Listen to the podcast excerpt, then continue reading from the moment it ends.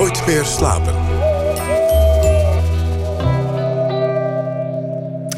Goedenacht en welkom bij Nooit meer slapen. Tot het nieuws van 1 uur praat ik, praat ik met Floris Kijk. Hij werd geboren in 1982 en groeide op in een echt kunstenaarsgezin. En misschien is dat de reden dat feit en verzinsel, verbeelding en werkelijkheid bij hem altijd nogal kneedbaar zijn gebleven. Hij is filmmaker, animator, ontwerper, maar eigenlijk zou je hem het beste kunnen omschrijven als een verhalenverteller. Hij kiest moderne vormen om je deelgenoot te maken van zijn fictie. Een personage met een droom bijvoorbeeld, iemand met een doel voor ogen. Je volgt de gebeurtenissen via filmpjes op YouTube, een blog, beelden waarbij je denkt dat je weet wat je ziet. Maar is dat ook zo? Door de meeslepende manier waarop hij gestalte geeft aan zijn verhaal, krijgt hij je te pakken. Maar hij toont tegelijkertijd iets anders aan. Dat fictie begint bij de gretigheid daarin te geloven, misschien. En dat feiten soms fantasie zijn en fantasieën soms tastbaar worden. Wij gaan het vannacht hebben over zijn nieuwste project, Modular Body. Over een oude droom van onsterfelijkheid en de moderne technieken die je daarbij toe kunt passen. Floris Kijk, welkom. Was jij een, een, een, met Lego spelend kind? Ja, ja wel um, altijd eh, naast mijn broer. Mijn grotere broer die was een stuk handiger dan ik, ook met Lego. En ik keek meestal toe. Maar ik heb wel heel veel met Lego gespeeld vroeger, ja. Was je, was je broer van de techniek? Want dat had je toen ook. We zijn ongeveer van dezelfde leeftijd. Uh, ja, deels. Ja, eigenlijk meer echt van de blokjes op elkaar stapelen. En um, volgens mij minder technische Lego. Maar echt het bouwen van huisjes en uh, grote uh, ja, constructies waarbij al die blokjes op elkaar stapelt. Ja, wij, wij hadden thuis namelijk. Uh, mijn, mijn oudste broer die was heel slim en die kon met Lego Techniek echt dingen maken die, hem, die volgens mij helemaal niet konden. Oh ja, ja, ja dat, ik, dat kan me niet meer herinneren. Ik weet wel dat mijn broer op een bepaald moment toen wij toen de Lego, toen wij te groot werden voor de Lego, heeft hij echt alle handleidingjes van de huisjes weer bij elkaar gezocht. En ieder blokje weer verzameld bij die handleiding, zodat het helemaal klopt. En dat allemaal in plastic dingetjes gedaan en gesield. En dat ligt nu nog steeds bij mijn ouders eh, op de zolder. Dus dat, uh, ja, dat ligt nog te wachten op misschien onze kinderen of zo die er ooit mee gaan spelen. Maar... Verbijsterend netjes. Ja, ja, ja de meeste is, uh... mensen gooien dat gewoon in een doos en kijken er nooit meer naar. Ja, ja dat is uh, het verschil tussen mij en mijn broer. ik ben heel slordig en mijn broer is heel netjes. Jullie zijn, uh, jullie zijn samen opgegroeid in een, in een echt kunstenaarsnest. Twee ouders in de kunst. Ja. Wat uh, krijg je daarvan mee? Ik, ik, ik stel me voor de vrijheid, maar, maar toch ook wel dat het een ingewikkeld bestaan soms is, lijkt me. Ehm, nou, wij hebben vooral denk de vrijheid wel meegekregen. En ook uh, een manier van leven. Dat, ja, dat hoort dan bij die vrijheid. Maar daar hoort ook financiële onzekerheid bij. En um, ik weet dat mijn ouders die gaven altijd een beetje af op mensen die zeiden dat ze kunstenaar waren, maar daarnaast nog gewoon een baan hadden en daar hun geld mee verdienden. Mijn ouders hebben altijd, uh, ja, is het altijd gelukt om van hun werk, van hun kunstwerk uh, te kunnen leven. En ik denk dat ik dat ook wel een beetje heb meegekregen. Dat als je ja, een kunst, kunstenaar ben je gewoon. Dat doe je er niet bij, dat ben je. En het is ook heel lastig om daar concessies in te doen. In mijn geval is het dan dat ik uh, het lastig vind om opdrachtwerk naast mijn werk als uh, maker of als kunstenaar, filmmaker te doen. Omdat ik altijd eigenlijk autonome projecten zelf initieer. En ik heb al gemerkt dat dat ik eigenlijk daar geen ruimte voor in mijn hoofd heb zodra ik daar allerlei afleiding van ja, echt wat commerciële, commerciële werk naast heb. En daar zijn mijn ouders denk ik wel beter in geslaagd. Mijn moeder heeft in het begin heel veel voor de libellen getekend en voor de magiet. En die is later wel uh, het autonome pad opgegaan. En mijn vader heeft wel heeft veel eigen werk gemaakt en is ook Daarnaast veel opdrachten heeft hij gedaan voor gemeentes en zo grote werk in de openbare ruimte gemaakt. En ik ben tot nu toe wel. Mijn projecten zijn tot nu toe in ieder geval altijd wel een beetje afhankelijk van uh, overheidsgeldsubsidies. En dat zorgt voor veel vrijheid, maar ook ja, uh, af en toe voel ik me daar een klein beetje schuldig over. Wel dat ik, dat ik eigenlijk zoveel gebruik maak van subsidies, terwijl misschien projecten ook op een andere manier uh, gefinancierd zouden kunnen worden. Ja, ik denk ook wel eens dat dat schuldgevoel een beetje is aangepraat de afgelopen jaren. Omdat ja. ik, hoor, ik hoor nooit iemand zich excuseren voor een eigenlijk overbodige snelweg die uh, miljarden heeft gekost. Maar goed, ja, precies. laten we die uh, discussie maar even aan andere mensen overlaten.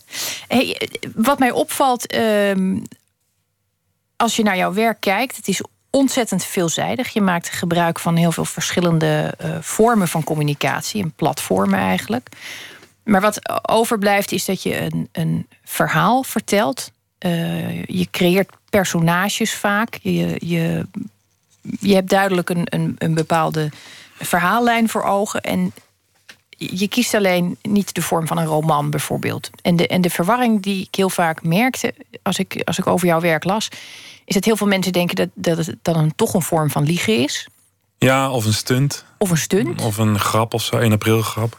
En als je een romanschrijver was, dan zou iedereen zeggen van ja, maar dat is fictie, dat is de vrijheid die je als schrijver hebt. En eh, als je een dichter bent, heb je nog zoiets als de, de dichterlijke waarheid. Dat is helemaal een prachtige uitvinding. Ja. Maar omdat jij, jij werkt eigenlijk zonder precedent. Er zijn nog niet veel verhalenvertellers die dat op deze manier vormgeven. Met filmpjes, met blogs, met nou ja. Ja, ja ik vind het wel wat ik prettig vind, en dat is eigenlijk ontstaan bij de eerste film die ik heb gemaakt in 2005. Een, een ja, fictieve natuur, natuurdocumentaire over insecten die voorkomen in het Roergebied. En dat zijn dan insecten helemaal opgebouwd uit elektronische onderdeeltjes. En daar heb ik uh, als basis van het verhaal een documentaire gebruikt over het tropisch regenwoud van Discovery Channel. En die voice-over heb ik helemaal overgeschreven en daarna weer omgevormd naar mijn fantasie. En zeg maar, dat startpunt, een soort van zelfs, eh, vanzelfsprekend startpunt, waar mensen, als, die, ja, als je naar een natuurdocumentaire kijkt, dan ga je ervan uit dat dat echt is. En dan kan je daar ook in geloven. En het leek me wel mooi om, om zo'n bestaand format gewoon helemaal te, te adopteren en daar mijn eigen fantasie in te stoppen. Zodat je niet helemaal van, vanaf scratch, vanaf nul iets hoeft te gaan bedenken. Maar dat, dat je al gewoon een soort van basis hebt. En die, die methode van het gebruiken van bestaande mediaformats, die ben ik eigenlijk alleen maar verder gaan uitzoeken. Niet alleen bij Discovery Channel format gebleven, maar ook uh, la, laatste tijd ook naar YouTube-filmpjes. En de manier waarop op YouTube vloggers te werk gaan. En wat voor subculturen daar allemaal ontstaan. Eh, van do-it-yourself als mensen die hun mobiele telefoon hacken en daar allerlei nieuwe, uh, ja, nieuwe vormen en nieuwe dingen mee kunnen maken. En ja, dat soort dingen die kom ik dan zelf tegen. En uh, ja, lijkt me mooi, vind ik dan mooi om mijn fantasie in te stoppen. Door, en wel die beeldtaal te gebruiken om het, ja, die vanzelfsprekendheid mee te geven. En ja. Wat mij heel ingewikkeld lijkt in dat geval, is dat je, je hebt een verhaal in je hoofd, dat wil je vertellen. Je kiest een vorm die je eigenlijk niet onder controle hebt. Er kan namelijk van alles gebeuren. Op het moment dat jij uh, een personage creëert en je maakt uh, verschillende filmpjes en die gaan online dan heb je vanaf dat moment is het eigenlijk uit je handen. Het is alsof je een steentje in het water gooit en je moet maar zien wat, er, wat de reactie wordt. Het lijkt me heel, voor iemand die vorm geeft, ook best een. een uh... Maar dat, ik denk dat wat dat betreft ook weer hetzelfde is als iemand die een roman schrijft of iemand die een film maakt. Die, die werkt er ook jaren aan en op een gegeven moment dan is het klaar en dan gaat het de wijde wereld in. En dan gaan mensen het lezen en dan, nou, dan krijg je te horen wat, wat ja, wat er echt van wordt gevonden en wat recensenten ervan vinden. En in mijn geval werk ik ook heel lang aan iets en op een bepaald moment besluit ik om het online te zetten. En dan kan de wereld uh, daarop reageren en er iets van vinden. Ja, maar dat is, wel, dat is wel het verschil natuurlijk. Er kan interactie ontstaan. Er kan zomaar een, een, een filmpje wat jij online zet als, als een soort bouwsteen in je verhaal dat kan per ongeluk zomaar viral gaan. Of dat kan, uh, dat kan tot ophef leiden. Of tot verwarring. Of, Dat weet je niet van tevoren. Nee, ja, je weet het niet. Ik heb wel.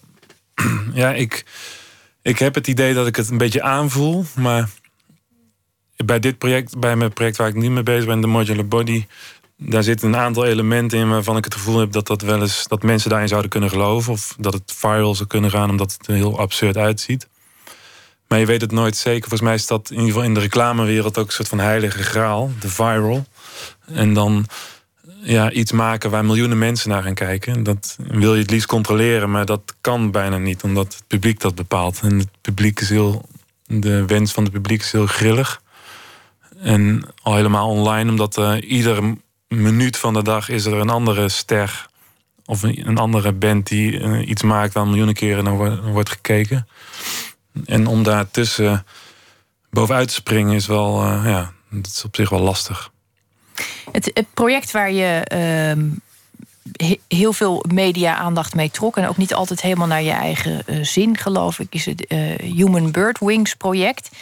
Waarin een personage gecreëerd was dat wilde vliegen als een vogel. En ja. dat, um, dat hele proces van. Het is een ingenieur, dat bestaat weliswaar niet, maar die figuur is een ingenieur. En die is bezig om te ontwikkelen hoe die van de grond komt dat zie je, dat volg je als kijker, daar ga je in mee, dat ga je geloven. En uiteindelijk zie je hem opstijgen. En dat is fantastisch om te zien. Ja. En dat, dat, dat is een, om een concreet voorbeeld te noemen, een project waarbij je echt uh, bouwt aan de wereld die, die rondom hem ontstaat. En je nieuwe project heeft, heeft in zekere zin wel vertoont enige samenhang, maar het gaat ook over een man die door de belemmeringen heen wil breken en een visie heeft. Iets wil maken. Wat voor man is dat? Laten we het daar eens over hebben. Deze Cornelis Vlasman heet hij, geloof ik. Ja, ja dat is. Ehm, het is vooral iemand die een hoop kennis heeft van biologie en van biotechnologie. Iemand die de droom heeft om het lichaam, het menselijk lichaam te verbeteren. En, en aan te passen waardoor het misschien ooit onsterfelijk kan worden. En wat, hij, hoe, wat echt zijn karakter is, dat weet ik niet zo goed. Daar heb ik me ook niet heel erg in verdiept. Want ik wil het verhaal eigenlijk meer over de gebeurtenis, die, die geboorte van dat modulaire lichaam waar het eigenlijk over gaat. Dat staat centraal in het hele verhaal. En de persoon Cornelis Vlasman was een beetje in, de, in het vooronderzoek. En ik heb het scenario samengeschreven met Ine Poppen. En met haar heb ik in het begin heel erg zitten kijken van ja, waar moet het verhaal nou over gaan? Moet het over de persoon Cornelis Vlasman gaan, zoals het in de traditionele science fiction film eigenlijk de, science of de, ja, eigenlijk de wetenschap meer het decor is waarin dan toch nog een traditioneel verhaal plaatsvindt? Of wil ik het verhaal echt over de, die fictieve wetenschap laten gaan? En ik heb ervoor gekozen voor, om voor het laatste te gaan, om echt die, ja, die wetenschap die ik dan heb bedacht of die ik presenteer, om die zo diep mogelijk helemaal te onderzoeken. En, en ja, zelf bij elkaar te fantaseren, min of meer. En om dat de blokken van het verhaal, de, bouwblokken van het verhaal te laten zijn. En Cornelis Vlasman, die vormt daar gewoon een onderdeel in het decor. En die, dat is ook niet, ik heb ook daar niet echt een acteur voor gevraagd. Ik ben op zoek gegaan naar iemand die, ja, die gewoon echt verstand heeft van biologie en die ook in het lab werkt. En ja, die al die fictie die ik heb bedacht op zo'n geloofwaardige, geloofwaardig mogelijke manier zou kunnen delen met het publiek. En dat, ja, dat lukt uiteindelijk ook heel goed, omdat ik ik vraag hem niet om te acteren. En mezelf in Human Birthing speelde ik zelf dan de hoofdpersoon. En ik, ik, had, ik wist ook van mezelf dat ik niet kon acteren. Dus ik, ik dacht, ik ben gewoon mezelf. En dan geloofwaardiger kan het eigenlijk niet. En dat heb ik ook aan eh, de acteur van, of eigenlijk niet de acteur, maar de persoon die Cornelis Vlasman speelt, gevraagd. Verschil is wel dat het nu. Uh, het project wordt nog gepresenteerd. Dus het is nu van begin af aan duidelijk dat dit een, een fictief gegeven is. Ja. Uiteindelijk maakt dat niet zoveel uit, merkte ik. Want ik heb uh, beelden gezien alvast. Een, een sneak preview gehad. En um, het is misschien handig om dat even uit te leggen waarom ik net over Lego begon. Waarom we eigenlijk over Lego begonnen. Dat modulaire lichaam is dus een, een, een droom. Dat je, je kunt onderdelen vervangen. Daar komt het op neer. Je kunt lichaamsdelen, je kunt organen vervangen door ja, precies. nieuw spul. Ja, je zou kunnen zeggen, tenminste, dat had ik dan. Dat is dan weer onderdeel van mijn fantasie. Maar het menselijk lichaam is eigenlijk gewoon een heel erg uh, onhandig gesloten systeem als er iets kapot gaat, of ja, een orgaan wordt, daar, daar gebeurt iets mee, dat moet worden vervangen. Dan moet het hele lichaam worden opengesneden. En met een hele moeilijke operatie kan, dat, kan er dan een nier worden vervangen. Of ja, misschien in de toekomst Soms ook kan het helemaal niet. En dan moet het hele lichaam weg omdat één onderdeel Ja, precies. Dus, en er zijn allerlei ontwikkelingen gaande in de echte wereld. Dat heb ik dan niet verzonnen. Maar uh, met het, ze kunnen 3D printen. Maar ze kunnen sinds kort ook 3D printen met cellen. Met menselijke cellen. Waardoor je bijvoorbeeld een nier kan printen. En dat wordt al gedaan. En dan heb je dus een, een klompje met cellen in de vorm van een nier. Maar dat functioneert nog niet, want er zitten geen bloedbanen in. En het, ja, het is eigenlijk complex nu nog om dat echt goed te kunnen printen. Maar ja, binnen nu en 50 jaar is het best wel denkbaar dat, dat ze met 3D-printtechnologieën een gewoon een compleet functionerende nier of lever kunnen printen. En ik dacht dan, ja, waarom zouden we zo'n orgaan precies in dezelfde, op dezelfde manier printen, in dezelfde vorm zoals we hem al in het lichaam hebben? Waarom zouden we die gelegenheid niet aangrijpen om het gewoon echt compleet opnieuw te ontwerpen en daar het hele menselijk lichaam eigenlijk wat efficiënter te maken? Gewoon het, het complete idee van een lichaam op de schop en daar iets nieuws voor in de plaats bedenken. Een lichaam dat bestaat uit orgaanmodules, een soort van Lego-blokken die je in elkaar kan klikken en in allerlei verschillende configuraties. Het lichaam hoeft er ook niet meer hetzelfde uit te zien. Je kan de ene dag ervoor kiezen om alleen een, een hart, een long, een nier en drie armen aan te klikken. En de andere dag kan je bijvoorbeeld alleen benen willen hebben of zo. Dat vond ik als, zeg maar, als, als kunstenaar vond ik dat een interessant beeld. Dat het ook dat je kunt kiezen hoe je het vormgeeft. Ja, en dat ook het lichaam. Dan, de, het roept allerlei vragen ook bij mij op. Van, eh, is dat is iets wat je in, met menselijke cellen creëert in het lab, maar er niet uitziet als een mens? Is dat dan, is dat dan nog een mens of niet? En, um, en leeft het? En, en als je het dood laat gaan, ben je dan een moordenaar? Ja, precies. Ja, dat, die vragen, daar zit ik nog steeds mee in mijn hoofd. En die, ja, die heb ik ook wel onderdeel laten zijn van het project. Het project bestaat uit uh, eh, 56 korte filmpjes waarin je dus dat modulaire lichaam, het is niet de volledige grootte van een mens met de grootte van een hand, zie je tot stand komen. En ik heb geprobeerd zo gedetailleerd mogelijk die, die, al die bouwstappen in beeld te brengen. En daarnaast reflecteer ik ook op die gebeurtenissen door een aantal wetenschappers. Ik heb een talkshow opgenomen, zoals een echte televisietalkshow eruit ziet. Met mensen uit, uh, uit de biologie en de filosofie. En die praten met elkaar over die gebeurtenis. En die hebben het dus over vragen zoals van... is dat, als je dat wezentje wat je hebt gecreëerd in het lab... wat bestaat uit menselijke cellen, is dat dan moord? Heeft het rechten bijvoorbeeld? Ja, wanneer heeft, krijgt iets rechten? Ik, het, het kan nu allemaal nog niet, maar ik kan me voorstellen met al die technologie... als dat zich wat verder ontwikkelt... dat het best een keer een moment komt waarop er een, een levend organisme gekweekt kan worden met cellen. En ja, dat, dat gaat dan allerlei van dat soort vragen oproepen. Nou ja, die, die ethische kanten zijn op zich heel interessant. Want ik zat gaandeweg te denken. Het is namelijk, en daarom is het ook een boeiend terrein, denk ik. Het raakt aan een heel nabije toekomst. Er zitten allerlei elementen in waar we eigenlijk al min of meer mee te maken hebben. Je gaat je bijna voorstellen dat op een gegeven moment dat er een soort halfmensen worden gekweekt alleen maar vanwege de onderdelen.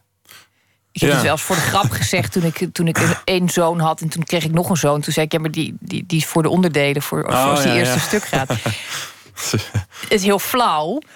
Maar als je, als, je dat, als je dat als uitgangspunt neemt, dat we vervangende dingen nodig hebben om onszelf te kunnen redden, om onszelf te kunnen uh, voorbereiden op bijvoorbeeld schade die ontstaat, dan is het eigenlijk best verleidelijk om, uh, om te denken aan een, aan een, uh, aan een bak onderdelen. Ja. Een levende bak.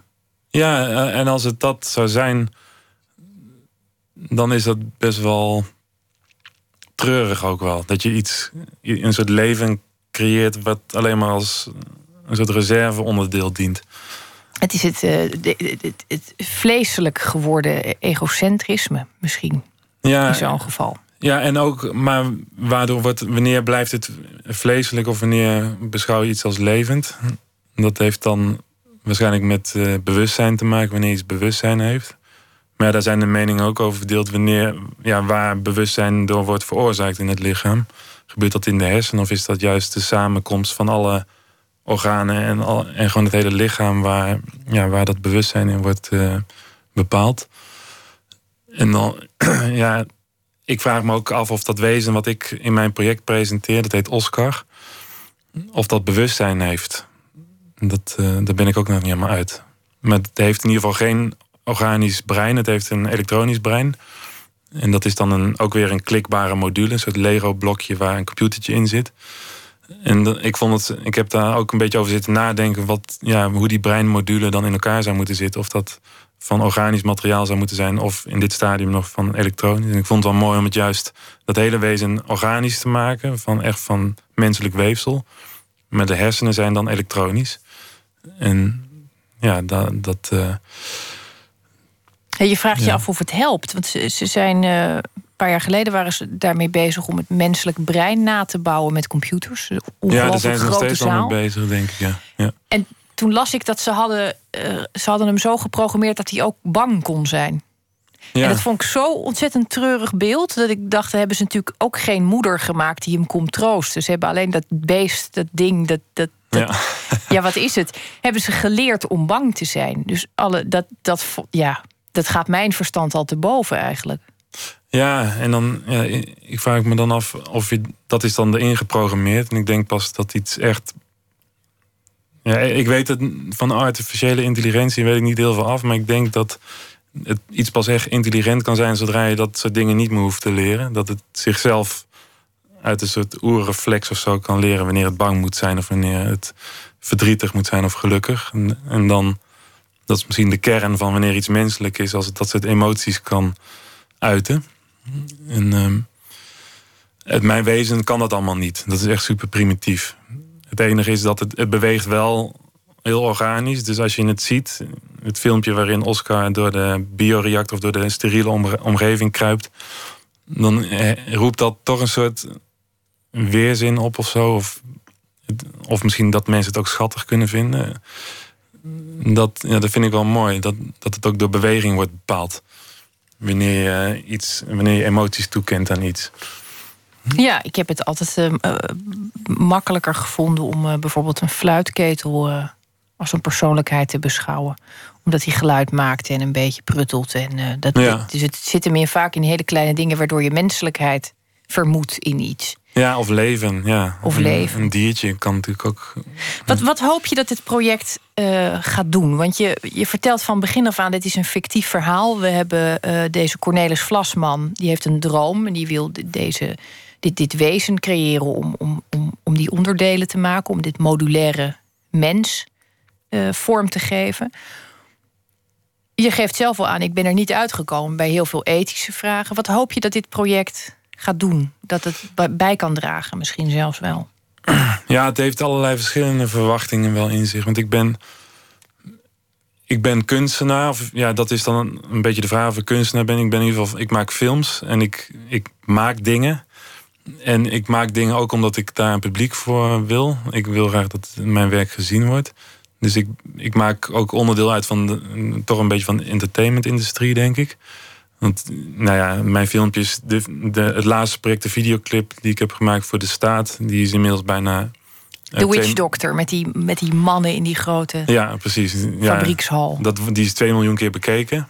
En uh, de, de Human Birdwings, dat is, ik weet niet hoeveel, hoeveel miljoen keer inmiddels bekeken, maar. Bijna 8 miljoen. Ja, dat is dan dat ene filmpje. En er zijn nog. Nou ja, er zijn allerlei andere uitingen, ook bij dat, omdat ik niet in één medium werk. Ieder geval niet alleen bewegend beeld, maar ook plaatjes en Twitter en Facebook en zo. Dus ik, ik, zoek, ik zoek wel bewust naar een groot publiek. En ik heb denk ook dat onder, onderwerp van de modular body. Ik weet, dat lijkt me iets, eenzelfde soort grootheid als het kunnen vliegen. Het creëren van leven. Dat is ook zo'n oeroude, oeroude droom. Dus ja, ik hoop, ik hoop in eerste instantie dat het een publiek krijgt. En dat uh, mensen ernaar gaan kijken. En het zal door allerlei verschillen, omdat ik het online zet en dus niet heel erg onder controle heb voor welk publiek het is. Als je iets in een galerie laat zien, dan is dat voor een heel specifiek kunstpubliek. En bij mij kunnen er allerlei verschillende mensen naar kijken.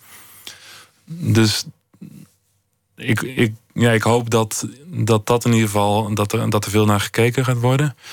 En het lijkt mij mooi als het. Het is ook voor mij zelfs het van framework voor discussie. Ik ben zelf niet degene die de discussie kan voeren of wil voeren. Maar ik weet wel dat het heel veel vragen in zich heeft. Wat voor mensen uit de, uit de biologie of uh, mensen uit de technologie. Mensen die, nadenken over de toekomst van, van technologie. En, wat er in de toekomst misschien allemaal met van dit soort wetenschappelijke onderwerpen gaat gebeuren.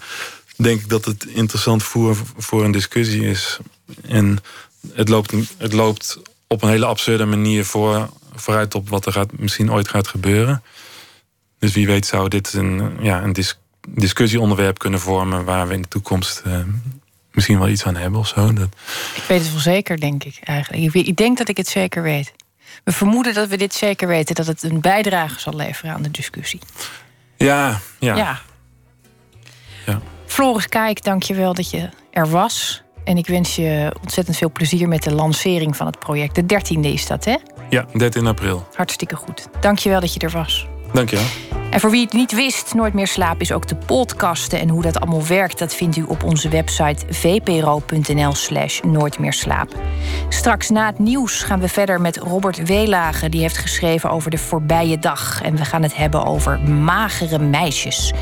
Dat allemaal na het nieuws van 1 uur.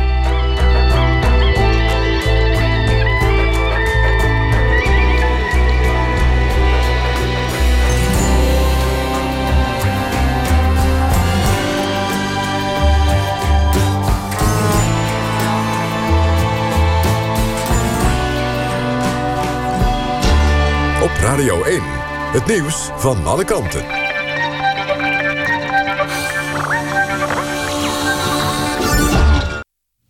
Het is 1 uur, Waterwalgemoed met het NWS Journaal. Voor de tweede keer is de Amerikaanse ruimtevaartorganisatie SpaceX erin geslaagd... een raket weer op aarde te laten landen. De stuurraket kwam rechtop neer op een drijvend platform. De eerste succesvolle landing was in december. Toen landde de raket op het vasteland. Eerder vielen stuurraketten na gebruik altijd in zee. Door ze te laten landen kunnen ze opnieuw gebruikt worden... en dat moet de ruimtevaart goedkoper maken. Drie supporters van RKC Waalwijk hebben afgelopen avond... tijdens de wedstrijd tegen NAC Breda... een fakkel gegooid in het kindervak van NAC. Ze zijn opgepakt door de politie. De kinderen raakten niet gewond. Het vak voor kinderen zit in het NAC-stadion onder een uitvak... waar de drie RKC-supporters stonden. Het is de tweede keer in korte tijd dat NAC-fans vanuit het uitvak met vuurwerk worden bestookt. Vorige maand gooide een fan van FC Os een vuurwerkbom. Niemand raakte gewond. Oud-voetballer John de Wolf wordt de eerste ambassadeur ouderenwerkloosheid. Minister Ascher heeft hem voor een jaar benoemd... om meer ouderen aan het werk te helpen. De Wolf helpt al werklozen in Vlaardingen, Schiedam en Maasluis. Hij wil vooroordelen bij werkgevers wegnemen... die vaak denken dat ouderen te duur zijn om aan te nemen. Ruim 200.000 50-plussers in Nederland zijn werkloos. Myanmar is begonnen met de vrijlating van politiek gevangenen. De vrijlating werd donderdag aangekondigd door de nieuwe regering... die op de achtergrond onder leiding staat van Aung San Suu Kyi. Media in Myanmar melden inmiddels meer dan 60 studenten die zijn vrijgelaten. In Maastricht zijn met een stille tocht de slachtoffers herdacht van de aanslagen in Brussel. Onder die slachtoffers waren een broer en een zus uit Maastricht. Ze zouden van Zaventem vertrekken naar New York toen de bommen afgingen. Het weer vannacht zijn er opklaringen. De temperatuur daalt naar 5 tot 2 graden. Met in het noorden kans op nachtvorst. Overdag blijft het vrijwel overal droog. De zon schijnt af en toe en het wordt 13 tot 15 graden. Dit was het NWS Journaal. NPO Radio 1. VPRO. Nooit meer slapen.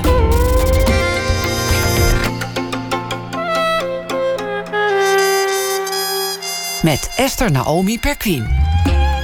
Goedenacht, welkom terug bij Nooit meer slapen. Het is 40 jaar geleden dat de Ramones hun eerste plaat opnamen. En zonder het te weten startten ze daarmee de punkbeweging. Echt rijk werden de Ramones er nooit van, maar hun invloed is groot. En straks hoort u een portret van deze New Yorkse punkband. En cabaretier en muzikus Mike Baudet komt langs. Aanleiding is Mike Kwadraat. Twee geïmproviseerde pianoconcerten waarvoor hij samenwerkte met pianist Mike Del Ferro. Maar we beginnen met proza bij het nieuws van de afgelopen dag. En deze week wordt dat verzorgd door Robert Weelage. Zes romans publiceerde hij tot nu toe en vele korte verhalen. En het meest recent is zijn roman In Goede Handen, waarin het gaat over de vraag vader worden of geen vader worden. Robert, goedenacht. Hoi, goedenacht. Gisteren zat je nog helemaal in de huizenmarkt. En uh, vandaag ben je misschien uithuizig geweest. Uh, ja, wat mij vandaag opval was uh, in het nieuws, is dat IS kwam eigenlijk verschillende keren voorbij. Uh, het begon eigenlijk mee dat IS dood 175 ontvoerde arbeiders, las ik vanmorgen in de krant. Maar dat werd dan later ook weer ingetrokken, dat bericht. En dan werd het veranderd in IS laat ontvoerde arbeiders vrij. En ook natuurlijk de verdachte van de aanslagen in Brussel en Parijs is opgepakt. Een man met het hoedje. Dus uh, ja, met Brussel in mijn achterhoofd heb ik eigenlijk een stukje geschreven. We gaan uh, naar je luisteren. Het gevaar zit in een klein boekje, hoorde ik iemand zeggen, in de trein. In een bomvolle trein naar Amsterdam tijdens spitsuur. Ik zat een krant te lezen voor deze column om te kijken over welk nieuwsbericht ik iets kon schrijven. Ik keek op van de krant de coupé in. Ik wist niet wie dit gezegd kon hebben. Het gevaar zit in een klein boekje. De twee jongens daar, die ene jongen daar. Een boekje, dacht ik. Een boekje met dun papier, bedrukt met kleine lettertjes. Zit het gevaar daarin? Nee, verbeterde ik mezelf direct. Het gevaar zit niet in een boekje, maar in de interpretatie. Door mensen, door bepaalde mensen, door een hele kleine groep mensen. Niet al die anderen, nee, zij niet. Ik moet niet zo denken, ik moet niet ook zo gaan denken. Ik keek nog eens om me heen. Nu zag ik een lachend meisje met een ander meisje praten. Studenten zo te zien, op weg van A naar B. Op zomaar een werkdag. Ze zijn de enige in de coupé die vrij uit met elkaar praten. Het gevaar zit in een klein hoekje, moet een van die meisjes gezegd hebben. Ik had het verkeerd verstaan. Of beter gezegd, ik had het verkeerd geïnterpreteerd. Ik dacht iets te horen wat er niet was. Iets te lezen wat er niet stond. Ik hoorde wat ik wilde horen, ik las wat ik wilde lezen. Ik vervormde de realiteit tot het klopte met wat er in mijn hoofd zat. Het is gevaarlijk, interpreteren. Dat moet je niet doen. Dat moet je niet ook gaan doen. Voor je het weet ga je in je eigen interpretatie geloven. Voor je het weet zit je klem in je hoofd, in die donkere hoek in je hoofd. Die gevaarlijke plek in die hoek. Het gevaar zit in een klein hoekje. Robert, dank je wel. Ben jij iemand die tegenwoordig, uh, als je in de trein stapt en je ziet ergens een lege tas staan of een achtergelaten tas, reageer je daarop? Registreer je dat? Mm, nou, het valt me. Nou, dat misschien niet direct. Uh, of ik registreer het misschien wel. Maar wat mij opviel is dat, dat iedereen wat alerter was. Zeker in de eerste dagen na Brussel natuurlijk. Maar eigenlijk merk ik het nu nog steeds een beetje. Mensen goed om zich heen kijken. Of, uh, niet, niet, niet, met grote gebaren, maar gewoon met ogen. Hè, de ogen, de blik. Dus ja, een beetje wel. Ja, ik, ik, ik, ik, was nog even, uh, ik, ik was nog even in de veronderstelling dat je, dat je zou eindigen met gevaar zit in een klein hoedje. Uh, oh, oh, ja. Ik vond dat zo'n merkwaardig beeld. En ik was daar eerlijk gezegd uh, nog een beetje verbaasd over dat, dat een terrorist zich zo ja, bijna koddig erbij liep. Um, ja. Ik vond ook ja. vals spelen. Ik vind niet dat terroristen er dan ook nog koddig uit mogen zien. Dat... Nee, dat mag dan niet, hè? Nee. nee. Vond ik nee. heel uh, onhandig vooral. Ja, dat, dat, dat, dat, dat maakt het allemaal nog onduidelijker. Vond ik vooral. Het is al ingewikkeld genoeg. Ja. Robert, dank je wel voor je, voor je bijdrage van deze week. En ik wens je ontzettend goede nachtrust. Jo, dank je wel. Betty Swan begon in 64 een zangcarrière vanuit Los Angeles, California. En hier is ze met een akoestische versie uit 67 van het door Smokey Robinson geschreven nummer Don't Look Back.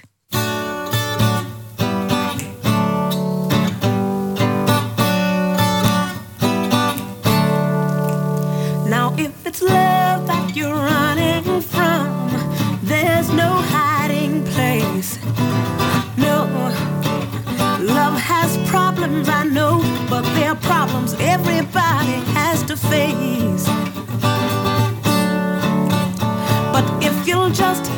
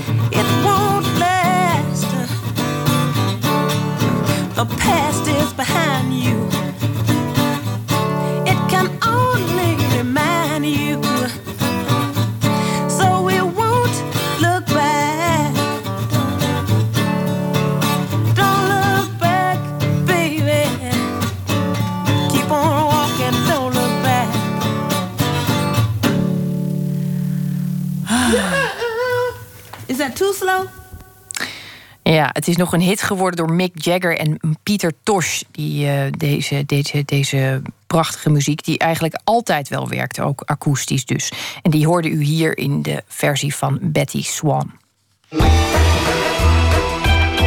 Nooit meer slapen. In 1976 namen de Ramones in zeven dagen tijd hun eerste plaat op voor het luttele bedrag van 6400 dollar. 14 songs in amper 28 minuten. En zonder het te weten startten ze daarmee de punkbeweging. Sex Pistols, The Clash, maar ook Bad Religion, Green Day en Offspring volgden in hun voetsporen. Rijk en gelukkig werden de Ramones er echter niet van. Een rapportage van Emmy Colau. Dan je de, de de Bed en die Ugly. Dan wist je al genoeg, oké, nu gaat het gebeuren. De, de lichten gingen uit, publiek werd gek. Ja, ik nu ook weer. geweldig. Want je hebt dat gevoel nu ook weer. Ja, geweldig. In de rook zie je wat schimmels bijkomen. En dan probeer je te ontwaren wie, wie loopt niet waar. En op een gegeven moment hoor je de bassist hoor je 1, 2, 3, 4 aftellen. En het publiek gaat los.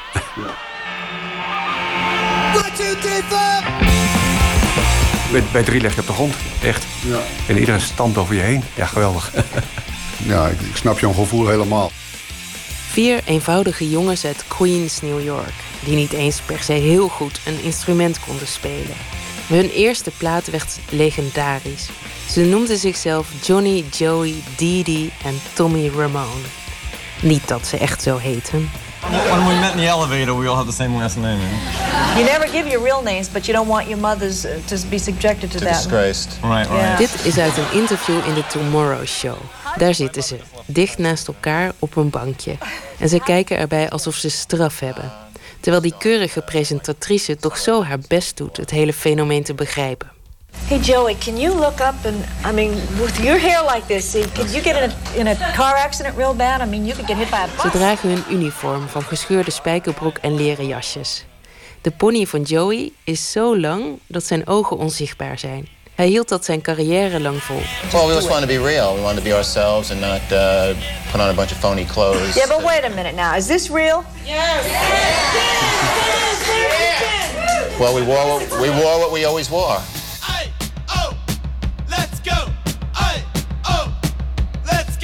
Er zijn drie akkoorden, een vierkwartsmaat en, en een melodietje. That's it. En het zijn hele korte liedjes. Het is anderhalf minuut, twee minuten. Je kan er niks aan verbeteren. Je kan niet zeggen van... Ja, dat had je toch anders moeten doen of zo. Het is wat het is en het, en het, en het staat in huis. Jerry Goossens is schrijver, columnist en punkkenner. Zelf speelde hij ook in punkbands en hij ontmoette de Ramones een aantal keer. Het- 40 jaar geleden viel het op en konden mensen het in eerste instantie niet serieus nemen. Om, ze dachten dat het een grap was, omdat het zo gestript was allemaal. We did a show with Toto in the middle of uh, St. St. Charles, Louisiana. It's supposed to be the most dangerous place on earth. And uh, we played some basketball stadium. It was us and Toto, and, and everyone's just staring at us like we're from Mars or something like that. In de tv-show van Conan O'Brien uit 1999 vertelt Joey hoe ze ontvangen werden in die beginperiode. Als aliens of als psychisch gestoorden zelfs. And she said, um, how nice of you to take care of these retarded people.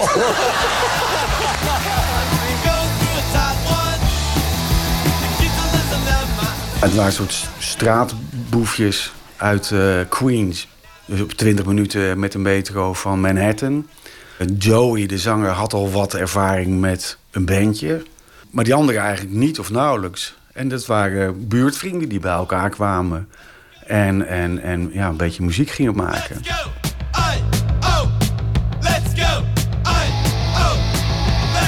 Het geldt natuurlijk bij alle kunst dat, je, dat alles is actie en reactie. Op het moment dat de, de leidende stroming in de popmuziek toch eh, gezapig en, en, en braaf en rustig is, dat je, ja, dan krijg je automatisch krijg je er een reactie op. Uh, punk is just a rebellious rock for all kids uh, all over. I mean, real rock and roll is punk. Not a bunch of old men playing music for your mothers and fathers. En uh, nou ja, in de, laat maar zeggen, in de tweede helft van de jaren 60, toen uh, popmuziek ineens kunst moest worden. En muzikanten daar bloedserieus mee bezig gingen. Dat je jazz-invloeden kreeg, dat je klassieke invloeden kreeg. De, uh, werd dat idee van het eenvoudige popliedje... werd in de rock gewoon vergeten. Je had natuurlijk wel popmuziek... maar in het domein van de rock, van de rock and roll... begon dat te, te verdwijnen de grap is ook dat. Enerzijds is het een plaat die teruggrijpt op bijvoorbeeld de jaren 50. Hè, de liedjes die erop staan. Ja, dat, dat, is, dat, zijn, dat zijn jaren 50 popsongs.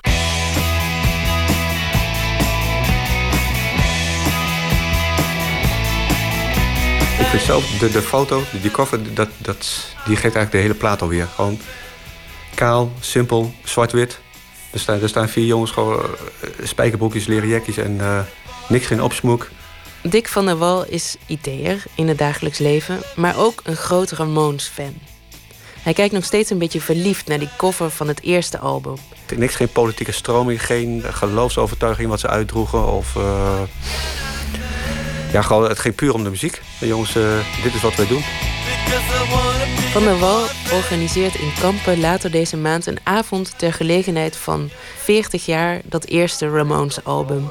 Ik spreek hem in de huiskamer van platenhandelaar en leadzanger van de Ramones, Hugo Koch. En we waren ook echt doodsbenauwd voor die band, want ze hadden blijkbaar een reputatie. Met twee van deze fans is verzamelaarspraat natuurlijk onvermijdelijk. Die is mooi, hè? Japans. Ja, ik, ik, Mag ik een hele vervelende vraag stellen? Weet je, weet je of dit de, de, de kopie is of de echte? Want ik heb de echte voor, vorig jaar verkocht namelijk. Niemand klinkt als Ramones. Ja, want Hugo Koch, je bent de frontman van de Rumbones. Ja. Een uh, Ramones coverband. Ja. Tribute band moet je dan eigenlijk Tribute zeggen. band, ja. oh sorry. een, een Ramones tribute band, ja. iets heel anders. Um, dan moet je wel kunnen uitleggen wat het dan zo specifiek maakt, die sound. Ja, waar, waar het om gaat bij Ramones is dus niet, niet alleen die drums die op de 16e maat gaat. Eh, wat gewoon een kwestie is van uh, uithoudingsvermogen. En ja, je moet maatvast zijn en je moet strak zijn. Maar vooral het gitaarwerk, uh, dat gaat downstroke. En downstroke houdt in dat je gewoon van boven naar beneden aanslaat en niet terug. En, het ziet er ook zo heel cool uit. Zo, als je ja, het ziet er heel cool zo uit. rammen. Als je dat kan, ziet dat er echt heel cool uit. Maar het geeft ook een specifieke sound. En, en, en dat is het eigenlijk. Je hoort direct als het niet downstroke is. En als je als Ramones Tribute Band niet downstroke speelt, vind ik gewoon, dan ben je geen Ramones Tribute Band. Ben je eigenlijk een hippie band, vind ik. Je hoort het direct. Het, het klinkt ook Ja. veel, het klinkt veel krachtiger. Het is, uh, zit Heel veel, puntig. Heel puntig en Ja. direct, krachtig, puntig, energievol. Het, Ja. het spreekt direct ook iedereen aan. Die eerste legendarisch geworden plaat van de Ramones verkocht eigenlijk heel slecht. Hoe konden de Ramones toch zo invloedrijk worden? Punkkenner Jerry Goossens. Er, er is bijvoorbeeld er is een, een, een, een, uh, een cliché over de eerste Velvet Underground plaat. Dat niemand die plaat kocht, maar dat iedereen die hem kocht een eigen band begon. En voor de, de, die eerste Ramones LP geldt eigenlijk hetzelfde. Die plaat is twee jaar geleden uh, goud geworden, na 38 jaar. Ja, goud in Amerika, dat is 500.000 platen volgens mij. Ja, 500.000 platen. Nou ja, dat was in de jaren 70, in de jaren 80, hè, toen de muziekindustrie op zijn hoogtepunt was, was dat niks eigenlijk. Later ook, eh, bands als uh, uh, The Offspring of Green Day, laten we zeggen, de, de kleinkinderen van de Ramones zijn, die verkochten er makkelijk 10 miljoen in, in, in drie jaar of zo. Maar de, de Ramones, de Godfathers, die deden er 38 jaar over eh, om goud te worden. En waren inmiddels allemaal dood. Dat die t-shirts nu... Mijn, mijn dochters lopen in Ramones t-shirts. En die hebben het natuurlijk wel eens gehoord. Maar die lopen niet in een Ramones t-shirt omdat vader dat draait. Die lopen gewoon in die t-shirts omdat het mode is. En ik heb de ontwerper van die t-shirts een paar jaar geleden eh, gesproken. Eh, dat was ook vlak voordat hij overleed. En die vertelde ook dat de Ramones gewoon meer verdiend hebben aan die H&M-deal... met die t-shirtjes die hier hangen... dan aan alle platen die ze ooit verkocht hebben. Duizenden optredens geven de Ramones. En pas in 1996 stoppen ze ermee. Ook al gaat het dan al jaren en jaren niet meer van harte. Onderling was het echt gewoon echt eh, verschrikkelijk bij die gasten. Want dat ging heel slecht met elkaar om. Ja, niet, hè? niet eigenlijk, hè? Niet, totaal Nee, niet nee, eigenlijk. nee. Dat is misschien wel leuk om te vertellen. Op een bepaald moment heeft eh, Joey een nummer geschreven.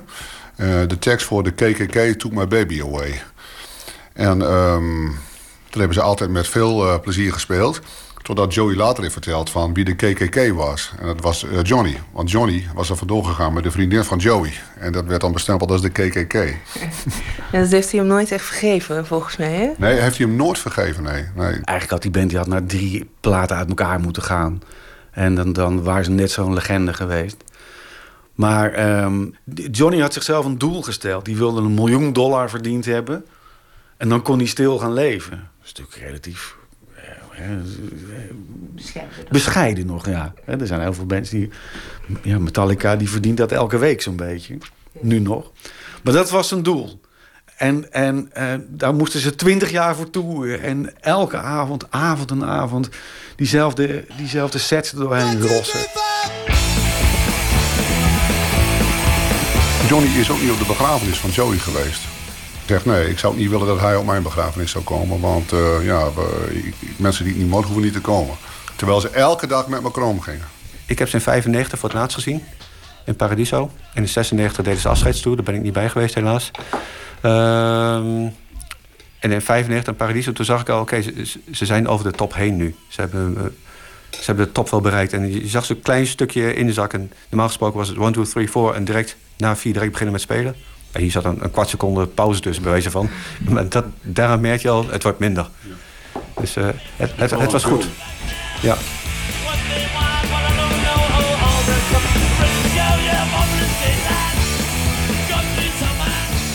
Op 30 april organiseert Dick van der Wal in cultureel podium het Ukien in Kampen een avond ter gelegenheid van het 40-jarig bestaan van het eerste album van de Ramones. Hugo Koch zal er met zijn Rumbones optreden en Emmy Collau maakte deze reportage en sprak derhalve met Van der Wal en Koch en ook met schrijver en punkkenner Jerry Goossens. Met Amen and Goodbye zijn we toe aan het vierde album van de New Yorkse band Yesayer. En daarvan draaien we het mierzoete loflied op het dochtertje van zanger-gitarist Anand Wilder, genaamd Uma.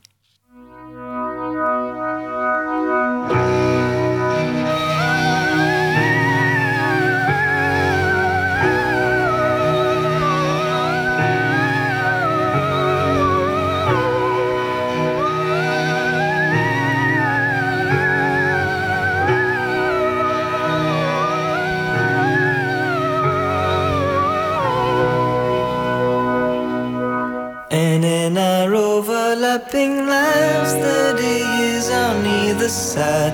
Never thought I'd be surprised that I'm alive when you're alive. When I stare into your eyes, my reflection falls aside. Can't always get you to stop crying, but we both know you'll be fine.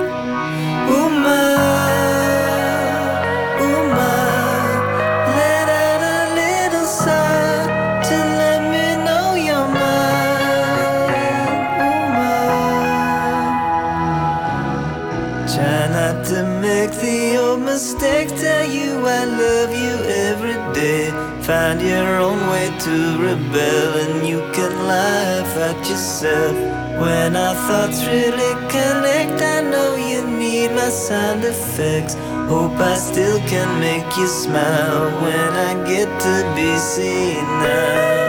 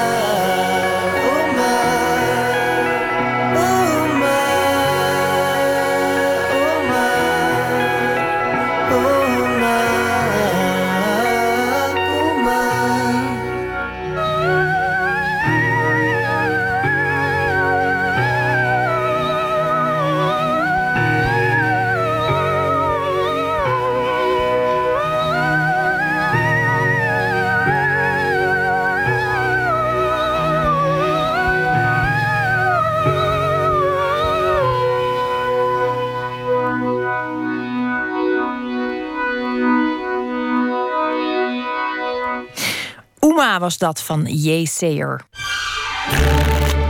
Open kaart. In onze rubriek Open Kaart trekt de gast kaarten uit een bak met 150 vragen over werk en leven. En deze keer zit Mike Baudet tegenover mij, cabaretier en muzikus, bekend van onder andere de Mike en Thomas Show. En vorige maand maakte hij bekend dat hij stopt met het tv-programma Coriones. Hij wil zich uitsluitend nog met muziek bezighouden. Althans, dat waren de geruchten. Hij is en blijft vaste huispianist bij het klassieke muziekprogramma Podium Witteman. En over een week staat hij in de Kleine Comedie in Amsterdam met twee geïmproviseerde pianoconcerten. Mike Kwadraat. Mike Kwadraat. Dat zijn dus twee Mikes. Mike. Ja. ja, er is eh, een eh, jazzpianist die heet Mike Del Ferro.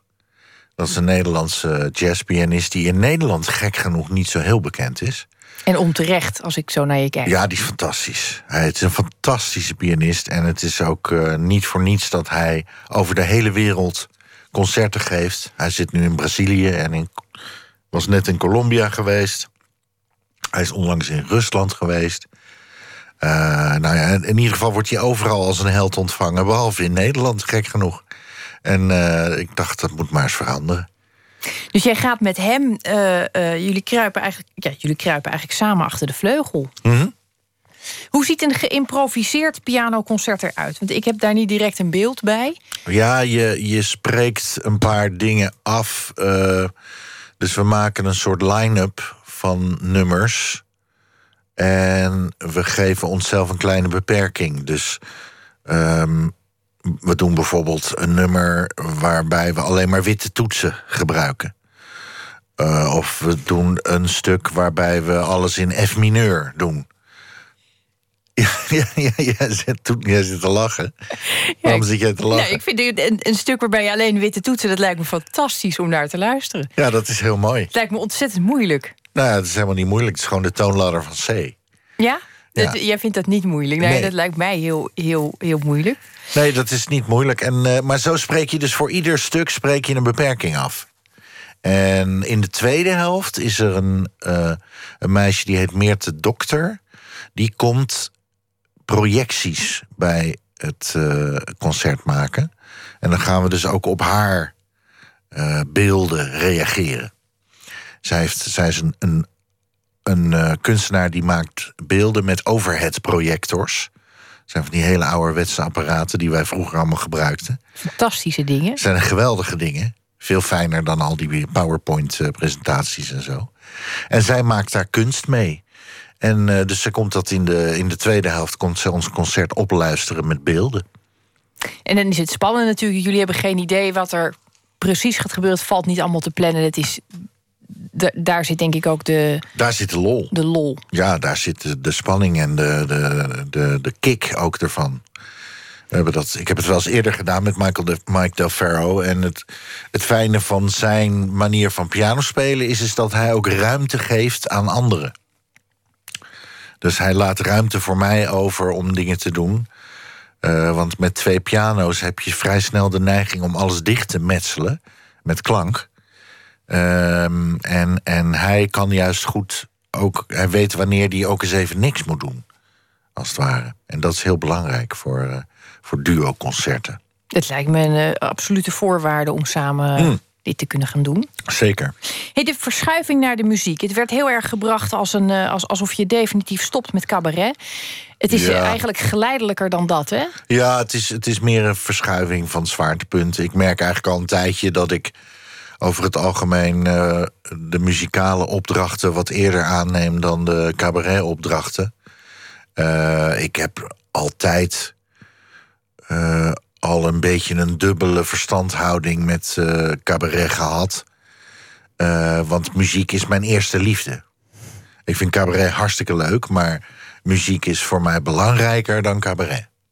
En daar wil ik niet mee zeggen dat cabaret uh, vervelend is of, of uh, niet belangrijk is of uh, niet de moeite waard is om naartoe te gaan.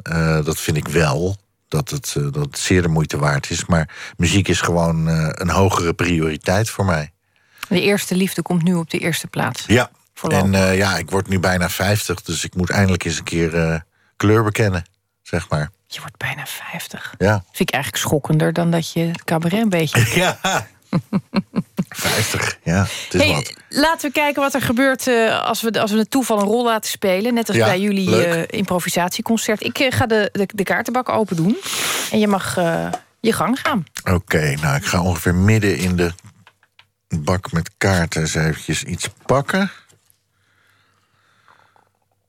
Oh, dat is meteen interessant, want dat sluit helemaal aan bij waar we het over hadden. Wat is de vraag? Wanneer wist je dat je dit werk wilde doen? Nou, die muziek dus. Ja, Als je zegt eerste liefde, kun je dan ook een moment herinneren dat die muziek in je leven kwam? nou, ik weet dat ik als vijfjarig jongetje begon met eh, op de piano dingetjes uit te zoeken die ik op de radio hoorde. En ik weet dat ik als vijfjarig jongetje al de droom had van ik wil ooit pianist worden en pianoconcerten geven. Maar jullie hadden dus een piano in huis. Ja, we hadden een piano in huis en mijn vader speelde veel piano. Mijn oudste broer speelde ook piano. En aanvankelijk had ik nog het idee van ik word klassiek pianist. Maar dat is helemaal niet voor mij weggelegd, want daar ben ik lang niet goed genoeg voor. En ik ben ook te lui om 9 tot 10 uur per dag te gaan studeren. Dat vind ik gewoon niet leuk. Ehm, en toen ben ik geleidelijk aan eh, steeds meer muziek gaan maken.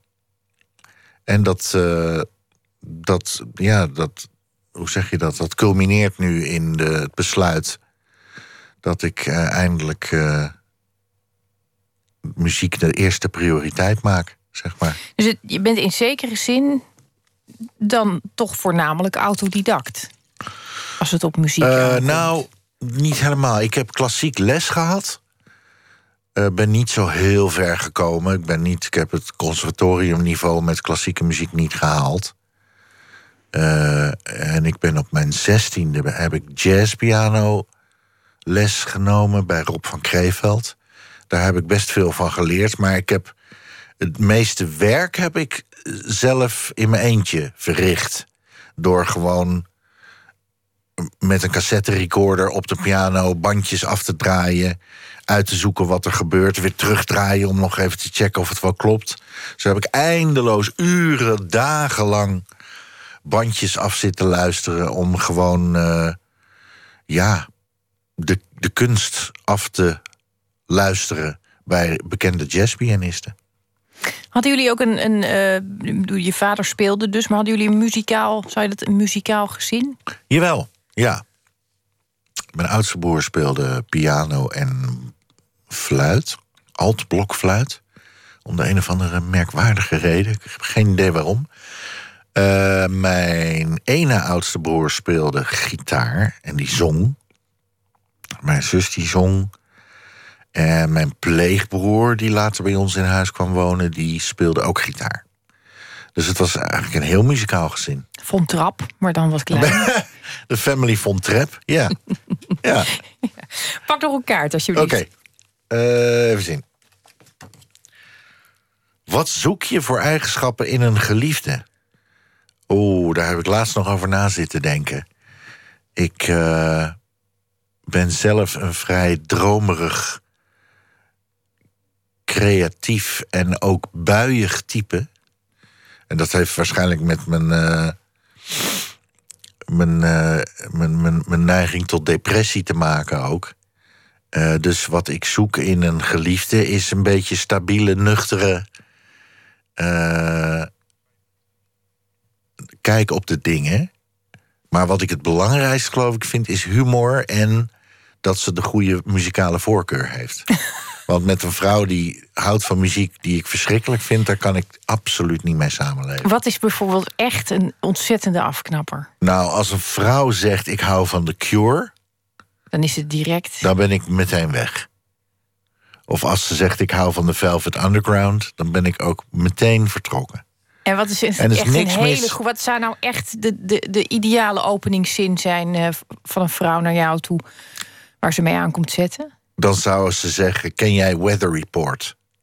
Dan, dan Dat val is je als een namelijk mijn favoriet. Ja, dan is het met eigenlijk meteen gedaan. Dan meteen aan. Ja, dan maakt het eigenlijk ook niet meer uit hoe ze eruit ziet.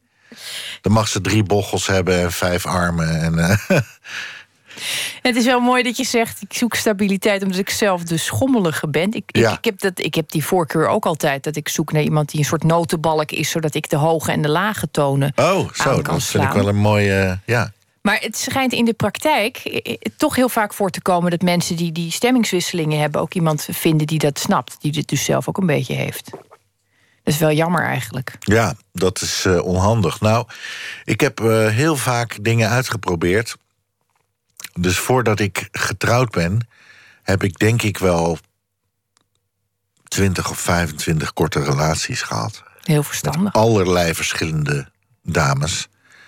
En eh, dus ik denk dat ik daarvan ook wel het een en ander opgestoken heb. In die zin dat ik weet waar, met wie ik het beste gedij, zeg maar.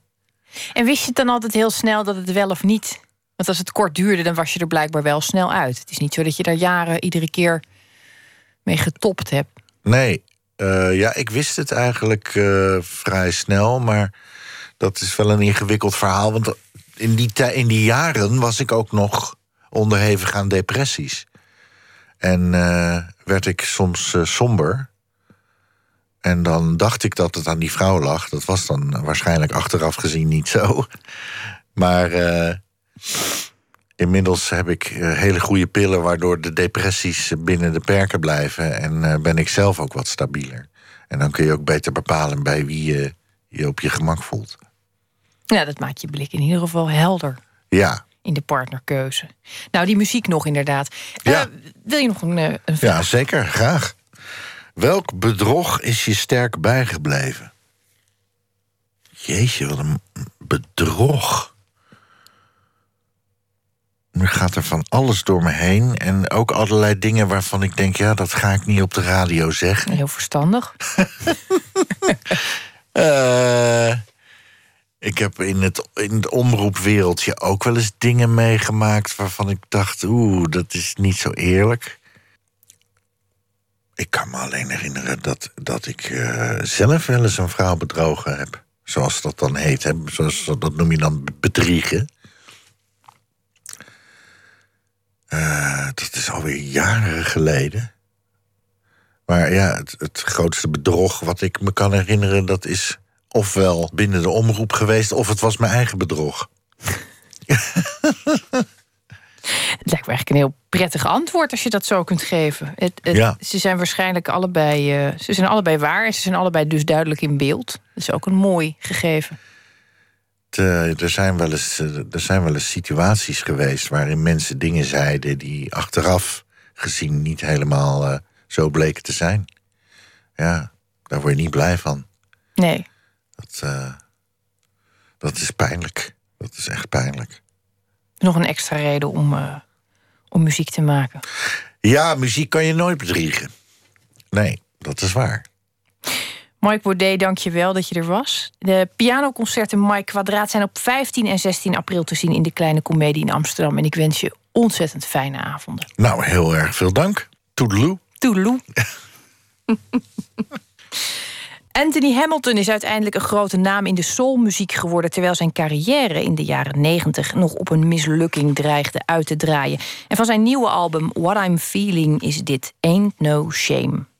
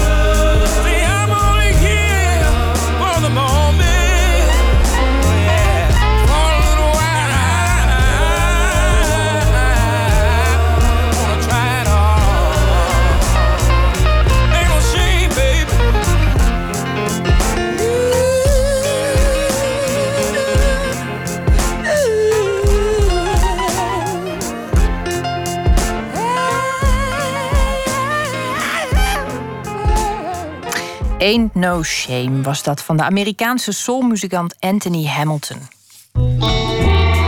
Nooit meer slapen. Vandaag werd bekend dat er een reclame van het modemerk Gucci verboden is, omdat een van de modellen die in het clipje figureren ongezond dun zou zijn. En dat is extra opmerkelijk omdat er toch al jaren wordt geroepen dat er een einde moet komen aan graadmagere modellen. Maar blijkbaar is het nog steeds aanwezig. Hoe kan dat en wat moeten we hier aan doen? Nachtcorrespondent Floortje Smit zocht het uit. Floortje, was het zo erg? Ja, ik weet niet, ik weet niet of jij het gezien hebt. Uh, in het filmpje zelf is het niet meer te zien op dit moment op internet, want ze hebben het eruit gehaald. Maar er circuleert wel een soort screenshot. En uh, dan staat ze ja, schuin tegen de muur en ze heeft echt een heel dun middeltje. En de reclamecodecommissie van Engeland die zegt dus ja, dat is zo dun dat dat niet gezond kan zijn. En um, bij Gucci zien ze eigenlijk het probleem niet. Ze zeggen ja, dit is een reclame die is gericht op volwassenen en uh, ja, je ziet geen botten uitsteken, dus dit moet kunnen. Um, nou, als ik persoonlijk moet zijn, zeg ik, ik ken niemand die zo dun is. En ook gelukkig, dan zou ik me ook wel een klein beetje zorgen maken over diens eh, gezondheid, denk ik. En het is ja, reclame voor volwassenen. Ja, wat is dat? Het is een decadent feestje waarop je jonge, hele mooie mensen ziet dansen. Ja, ik zou zeggen, het is ook voor pubers. Dat lijkt me ook. Is er vorig jaar ook niet een reclame met een Nederlands model verboden? Ik kan me zoiets herinneren. Ja, dat was uh, Kiki Willems. Die had uh, een uh, reclamefoto gemaakt voor Yves Saint Laurent. En die had hele dunne benen. En je zei het net al, het is eigenlijk al twintig jaar echt een veelgehoorde klacht dat die meisjes gewoon te dun zijn. En er is één iemand die zich daar ook al heel erg lang druk om maakt. Dat is Erik van Firth. En hij is onder andere voorzitter van de Nederlandse Academie voor Eetstoornissen. En hij heeft in 2007 heeft hij een soort richtlijnen ontwikkeld samen met andere mensen voor modellen. En dat deed hij naar aanleiding. In 2007 zijn twee uh, Zuid-Amerikaanse modellen overleden. En zij hebben dus een soort richtlijnen gemaakt voor modellen. En ook voor de meisjes die zich daar dus aan spiegelen, waarin staat dat modellen niet jonger zouden moeten zijn dan 16. Uh, dat ze een bepaald BMI moeten hebben. Dus dat ze niet heel lang en heel dun kunnen zijn. Um, en dat hebben ze in zeven talen laten vertalen. Maar het heeft tot nu toe nog niet heel veel effect gehad. Er gebeurt weinig mee omdat uh, eigenlijk iedere, alle schakeltjes in de mode-industrie die wijzen naar elkaar. Dus um, de modellenbureaus die wijzen naar de ontwerpers en de ontwerpers uh, wijzen naar de fotografen en de fotografen wijzen naar de bladen en de bladen wijzen naar de adverteerders. En niemand is eigenlijk bereid om zijn deelverantwoordelijkheid te nemen en gezamenlijk te zeggen: wij gaan er wat aan doen. Nou, hij is dus een van de mensen die die impasse wil doorbreken. En ook uh, model Marvie Rieder.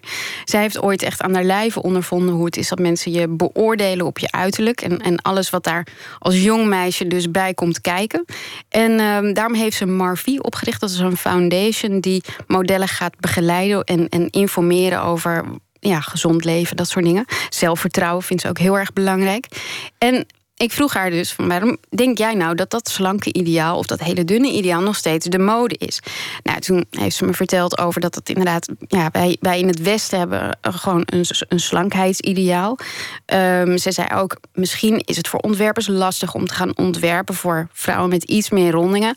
Maar ze zei alles wel een beetje met tegenzin. Want wat eigenlijk zei ze: ik heb eigenlijk helemaal geen zin meer om de hele tijd te praten over die dunne modellen. En ik vind al die berichtgeving over die hele dunne modellen werkt eigenlijk averechts. Ik wil veel liever denken in een soort oplossingen. Ik denk dat op het moment dat je uh, gaat benadrukken uh, wat voor een uh, positieve invloed de mode-industrie ook heeft. En juist uh, vanuit het positieve gaat benaderen van jongens, ehm, jullie zijn eigenlijk zo'n groot instituut. Jullie hebben zoveel kennis en know-how die jullie kunnen overdragen middels bladen, middels nou ja, advertorials, noem maar op.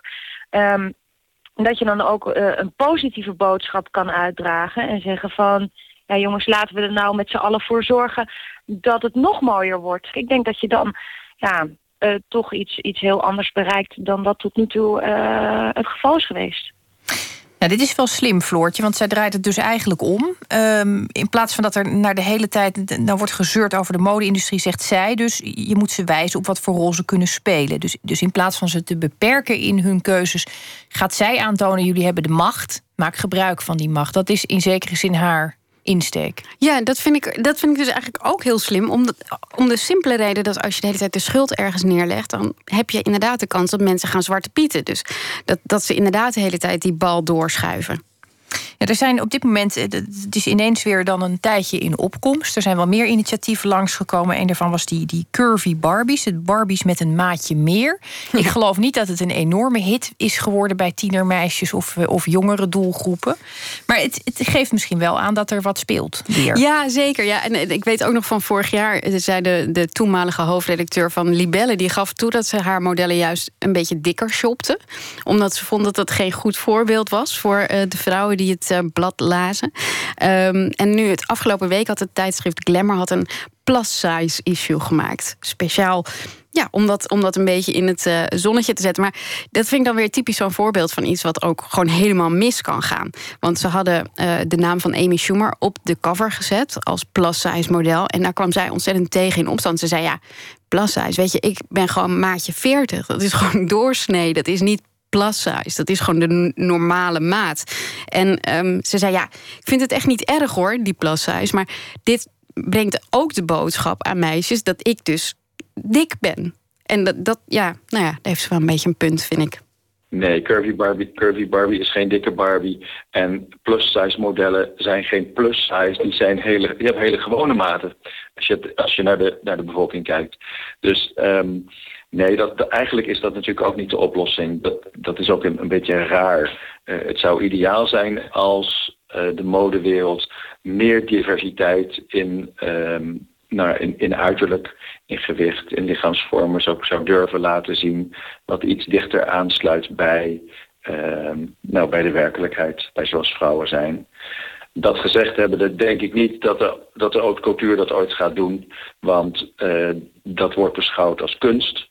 Eh, en misschien is het dat ook wel, eh, zeker wat, wat de ontwerpers maken. En eh, kunst hoort op hele dunne klerenhangertjes, vinden de, vinden de ontwerpers. Ja, en weet je wat volgens mij ook het probleem is van die hele dunne modellen? Is dat je er dus niet echt een, een label op kan plakken. Je kan niet zeggen van wat nou echt ongezond is of niet. Want een model met een laag BMI hoeft niet per se een ongezond model te zijn. Maar wat Erik zegt is, ja, het beeld voor jonge meisjes moet wel zijn dat het gewoon, weet je, dat er gewoon wat meer gevarieerd is. En hij zegt ook, met een soort Nederlands poldermodel moet er wel een uitkomst eh, komen. En hij is samen met, eh, met Marvi en de mode-industrie en anorexia-specialist en de over- overheid aan het overleggen hoe dat dan beter kan. We zijn nu in gesprek om te kijken of we inderdaad afspraken kunnen maken binnen de mode-industrie waar iedereen zich lekker bij voelt. En met alleen het weren van dunne modellen op de catwalk ga je het niet redden. Dus je moet er echt voor zorgen dat er echt een, een verandering van denken wordt bewerkstelligd in de mode-industrie.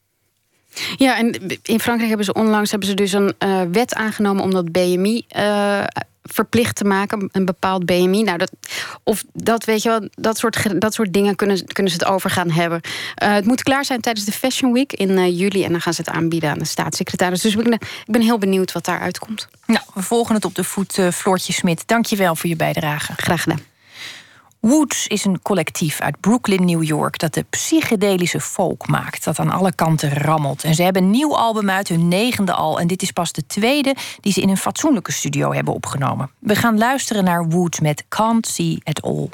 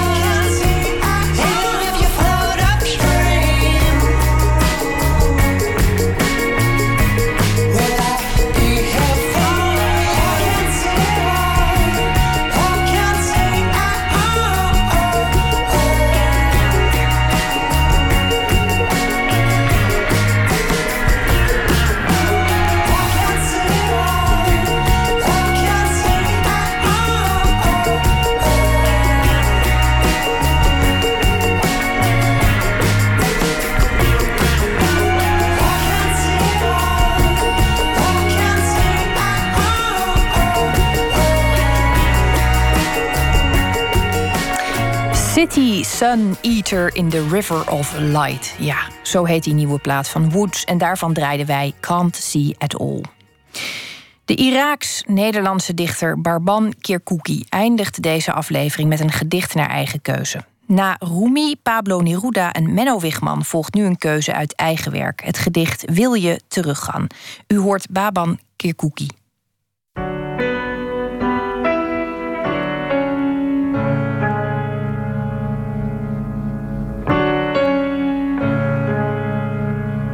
Ik lees nu het gedicht van mijzelf. Heet eh, Wil je teruggaan?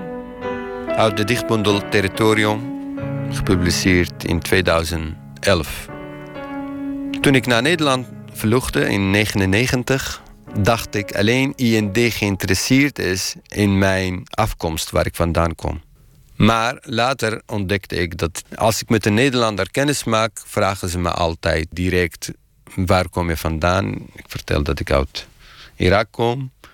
En dan zijn ze altijd nieuwsgierig of ik ooit terug wil gaan. Ik dacht, jeetje, dit Nederlanders geven mij een heel goede inspiratie. En toen ik die vraag heb omgezet in het gedicht die heet Wil je teruggaan? Wil je teruggaan? Ze vragen mij, ga je terug naar Irak als het land veilig is? Ik antwoord, als ik ooit terug naar de baarmoeder zou gaan, zal geen asiel aanvragen en geen vlucht voor mijn ziel kiezen. Ik zal mijn lichaam niet laten trillen in de kou. Ik schommel in twee werelden. De ene waar ik nu leef, de andere in mijn dromen. Een land voor mijn paspoort, geschreven in de ladder van een gemeentekantoor. Mijn andere land ligt in het noorden, het noorden van mijn hart. U hoorde Baban Kirkouki en volgende week dichter Gerda Blees. Maandag komt Pieter Waterdrinker langs bij uh, Pieter van de Wielen, die hier dan zit. En uh, ik ga u nu achterlaten in de veilige handen van Floortje Smit. U kunt luisteren naar Woord. En mocht u wel gaan slapen, dan wens ik u in ieder geval een hele goede nacht. Op Radio 1, het nieuws van alle kanten.